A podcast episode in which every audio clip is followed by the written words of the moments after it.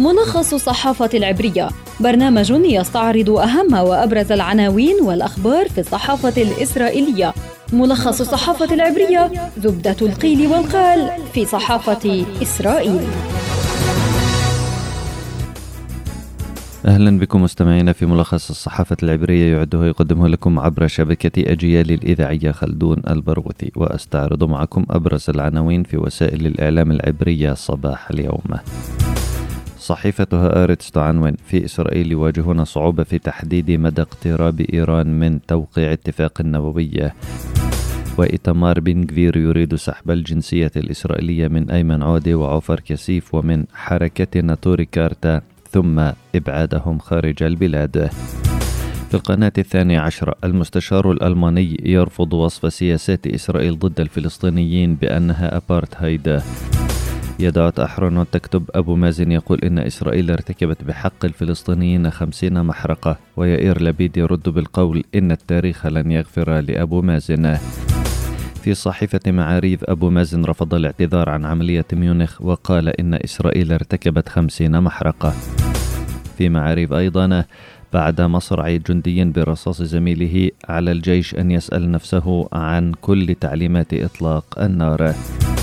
إسرائيل هيوم تكتب الجيش يبحث إمكانية رفع منع سفر الجنود في رحلات تمر من الأجواء السعودية وعمان هيئة البث الإسرائيلية تتناول الغلاء في إسرائيل وتكتب موجة ارتفاع أسعار مقبلة ويائير لبيد لا يفعل شيئا. وفي القناة الثالثة عشرة مخاوف في إسرائيل من تنازلات أمريكية إضافية لإيران في المفاوضات النووية.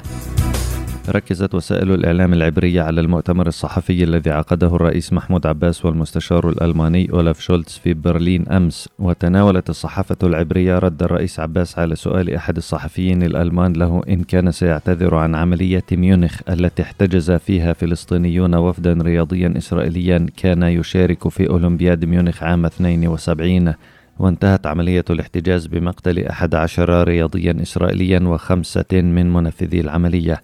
ورد الرئيس عباس بالقول إنه إن كان سيتحدث عن الماضي فإن إسرائيل ارتكبت بحق الفلسطينيين خمسين محرقة. الصحافة العبرية ركزت على عدم تدخل المستشار الألماني ضد تصريحات الرئيس بشكل فوري مع الإشارة إلى نقطتين.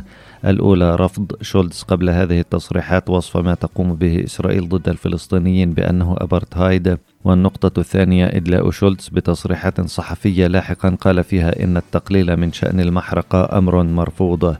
في إسرائيل هاجم يائير لبيد تصريحات الرئيس عباس واستخدامه مصطلح هولوكوست في وصف مجازر إسرائيل بحق الفلسطينيين وقال لبيد إن التاريخ لن يغفر له. كذلك انتقد سفير ألمانيا في إسرائيل ستيفن سايبر تصريحات الرئيس عباس وقال إن ألمانيا ترفض أي محاولة لإنكار الأبعاد الخاصة بجريمة الهولوكوست.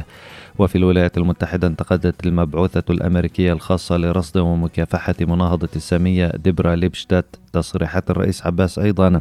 وقالت إن التقليل من شأن المحرقة قد تكون له عواقب خطيرة وقد يساهم في إشعال موجة من مناهضة السامية حسب ادعائها. تجدر الإشارة إلى أن الغرب يحرم تشبيه أي جريمة في العالم بحق الإنسانية بالمحرقة ويتهمون من يقوم بذلك بمحاولة التقليل من شأن المحرقة بمقارنتها بجرائم لا تقارن بها. وتستغل إسرائيل والمنظمات الصهيونية ذلك لاتهام منتقدي سياسات إسرائيل كقوة احتلال بأنهم مناهضون للسامية بهدف منعهم من الحديث عن جرائم الاحتلال. نهاية حلقتنا من ملخص الصحافة العبرية أعدها وقدمها لكم عبر شبكة أجيال الإذاعية خلدون البرغوثي. تحياتي إلى اللقاء.